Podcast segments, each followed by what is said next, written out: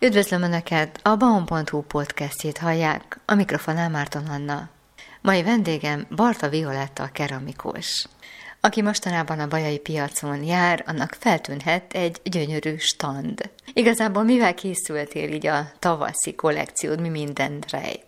Tavaszi kollekcióm, kerámia virágok, apró kis díszecskék, mesefigurák, kerti kerámiák, illetve minden olyan, ami kertkultúrához kapcsolatos, vagy lakberendezéshez kapcsolatos apró kis dekorációs elemek. Ezekkel készültem az idén is, kiegészítve ugye nagyobb kerti kerámiákkal, amit, amit kifejezetten mondjuk akár a teraszot díszítésére, akár egy udvar díszítésére, vagy konkrétan dísz, kertek díszítésére is lehet használni. Mi az, ami mostanában különösen kedvelt kerámia?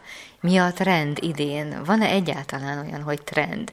Igen, minden évben próbálok én is egy picit a trendekhez igazodni. Tulajdonképpen nagyon sok keramikus készít apró tárgyakat, mert ugyanis a, a mostani vásárlóerő, meg a mostani gazdasági helyzetünk valahogy úgy hozta, hogy a, a nagyobb tehát a munkaigényes tárgyak, illetve mm, anyagköltség szempontjából a, a magas költségvetésű tárgyakat sokkal nehezebb eladni. Az apróságokat viszont mindig könnyű eladni. Tehát nem véletlenül van az, hogyha mondjuk egy kézműves vásáron végignézed egy, vagy megnézed a, a kézműveseknek a, a standját, vannak nagyobb tárgyak, és vannak kisebbek, és a sok apróságból szoktak általában válogatni. Nálam ebben az esetben a, a kis virágok, a kis apróságok, az ilyen, ilyen mm, olyan tárgyak, ami, ami picit mesefigurához hasonlít, picit bohókás, nagyon színes, azt hozzáteszem, hogy nálam tényleg a, a, a színek azok, amik ö, dominálnak, és, és hogy minden figurában egy picit próbálom így a magam kis agymenéseit belevinni. Szóval hogy a legkisebb mértékben sem biztos, hogy pont az a kerámia csiga az úgy fog kinézni, mint egy, mint egy igazi csiga, hanem lehet, hogy kapafoga van, vagy kalóz szeme, vagy valami ilyesmi, szóval, hogy valami kis bohótságot biztos, hogy beleviszek ezekbe a dolgokba. Ettől lesznek egyediek, uh-huh. olyan, igen. olyan vivisek. Igen, igen, igen, igen.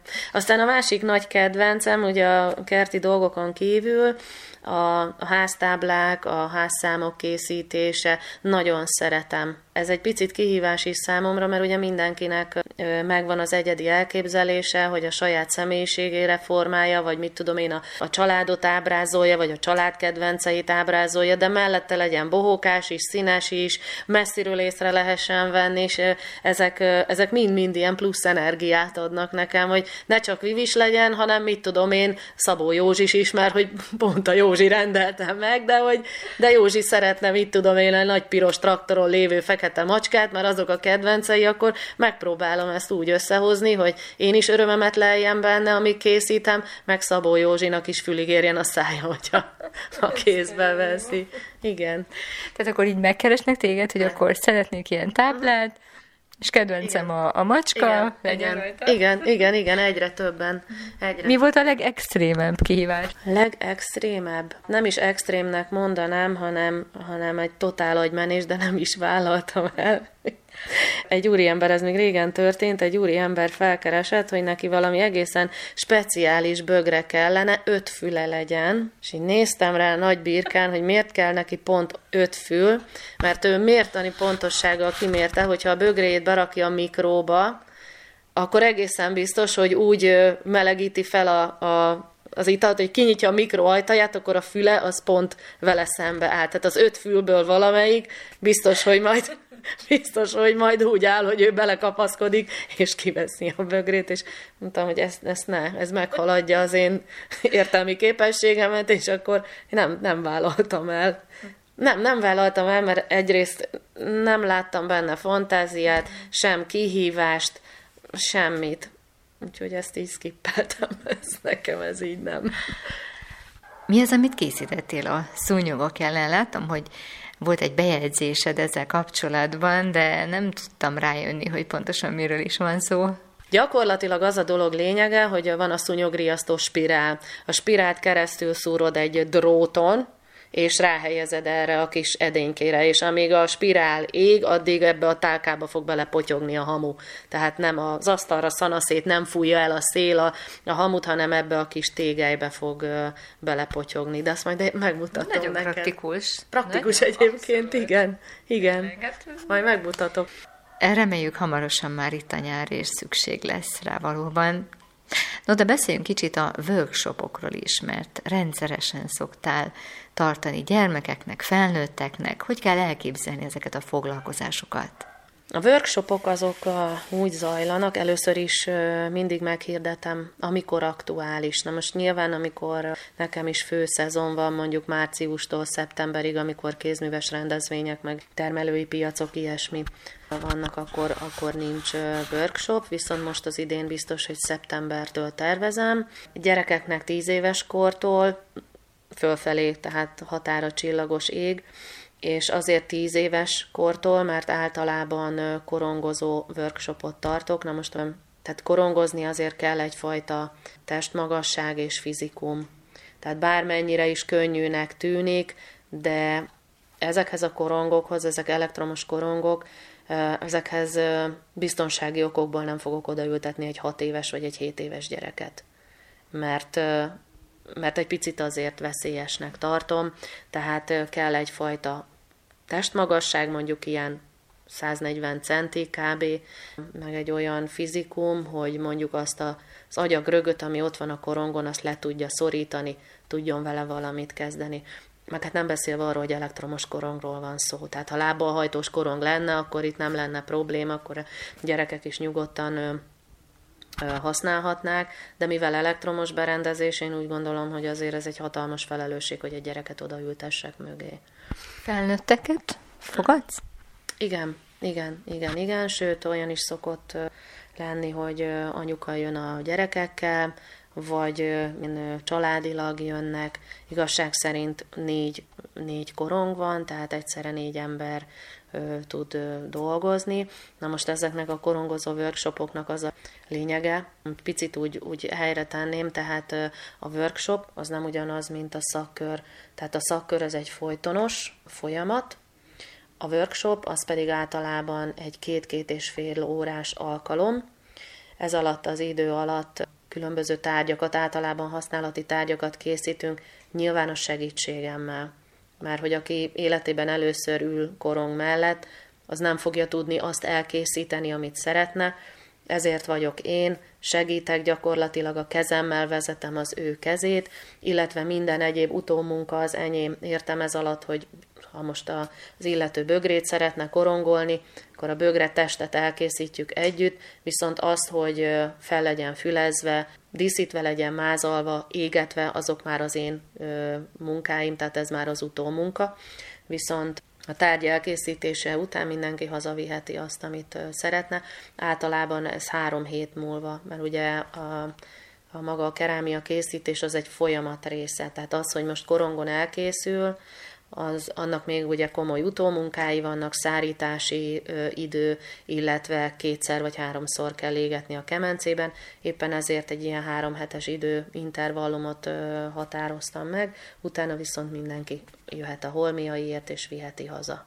Mi a tapasztalat? Kiket érdekel leginkább ez a keramikus történet, keramikus tevékenység, és milyen hatással van az emberekre? Mindenkit érdekel. Tehát én, én azt mondhatom, azt mondhatom, hogy, hogy gyakorlatilag a, a gyerekektől a nagymamáig, és azért mondom, mert volt olyan nagymamám, aki unokával együtt érkezett, és ő is korongozott, a nagymama is, meg az unoka is.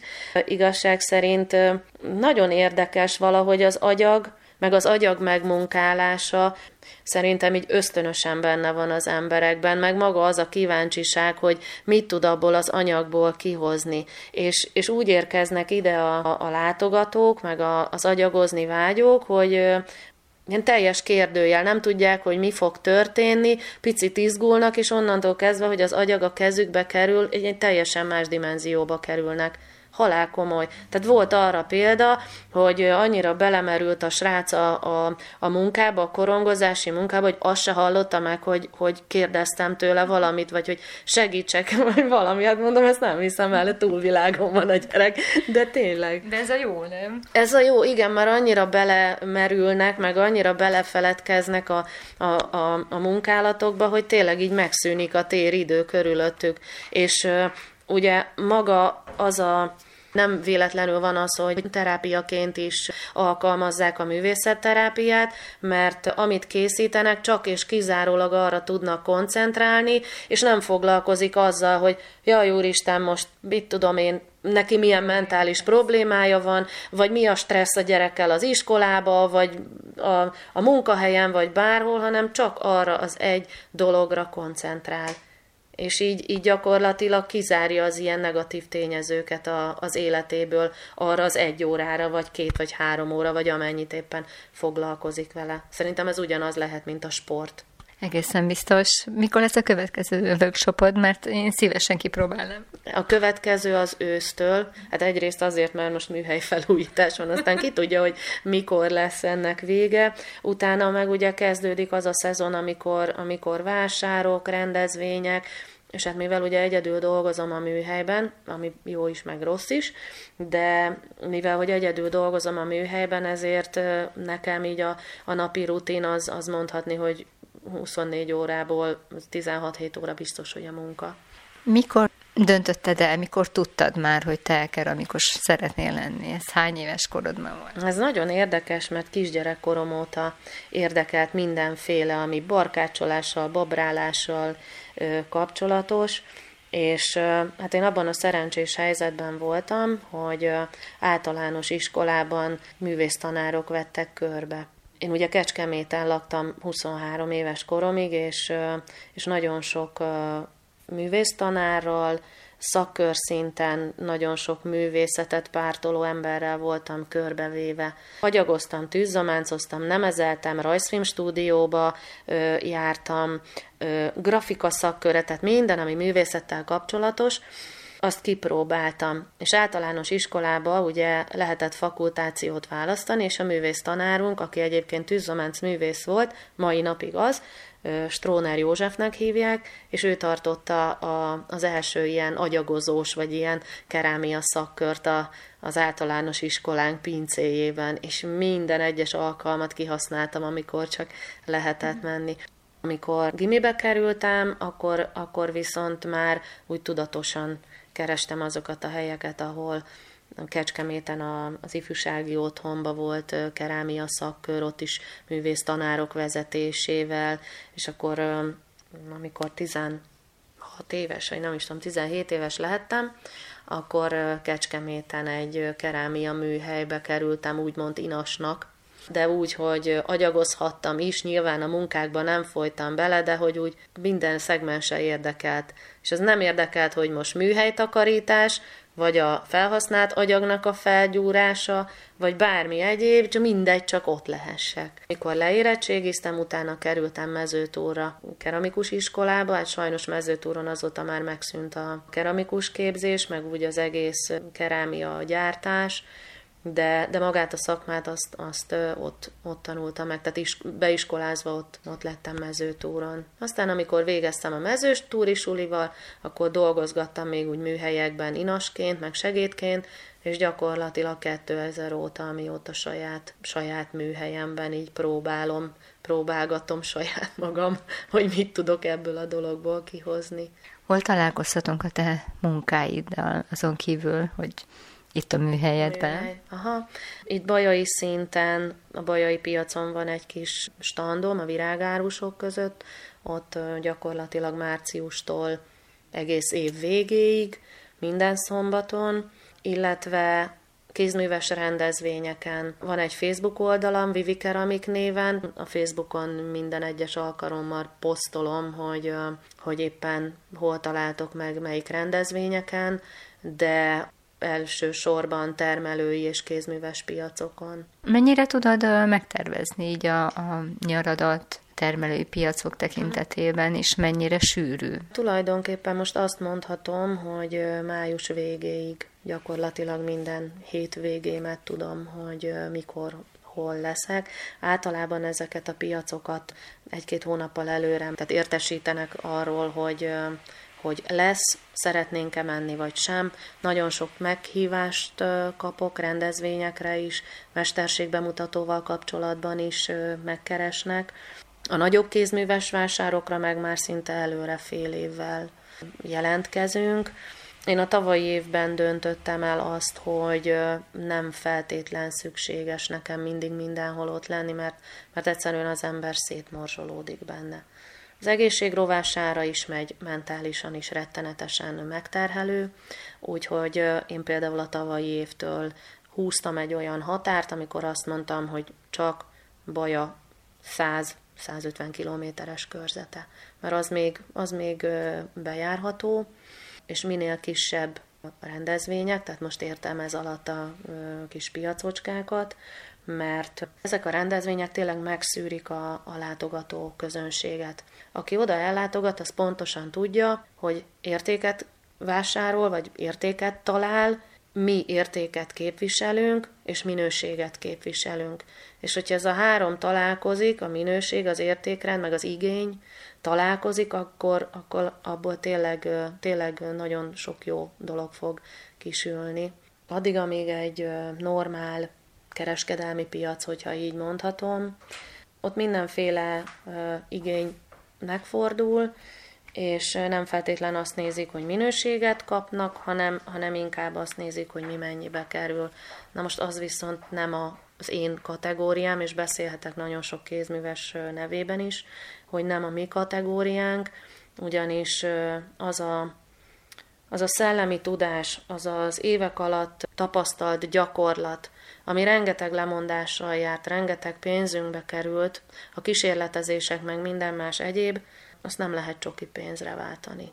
Hogyha a készítő, illetve az alkotó ehhez köti magát, vagy tartja magát ehhez az értékrendhez, akkor én úgy gondolom, hogy a, az általa előállított termékek, biztos vagyok benne, hogy azon, a, azon az értéken fognak gazdát találni, ami, ami megilleti az alkotót. Ez így is van. Köszönöm szépen, további sok sikert neked. Köszönöm szépen. Barta Violetta, a keramikus volt a vendégem. Köszönjük figyelmüket, viszont hallásra!